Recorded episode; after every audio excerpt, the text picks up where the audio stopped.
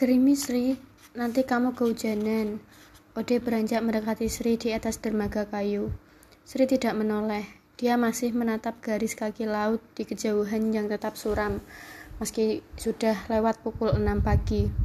Hampir tiap hari hujan turun beserta angin kencang. Ombak berdebam, menghantam tiang-tiang dermaga. Tidak ada penduduk pulau yang mau menghabiskan waktu di luar rumah dalam cuaca seburuk ini.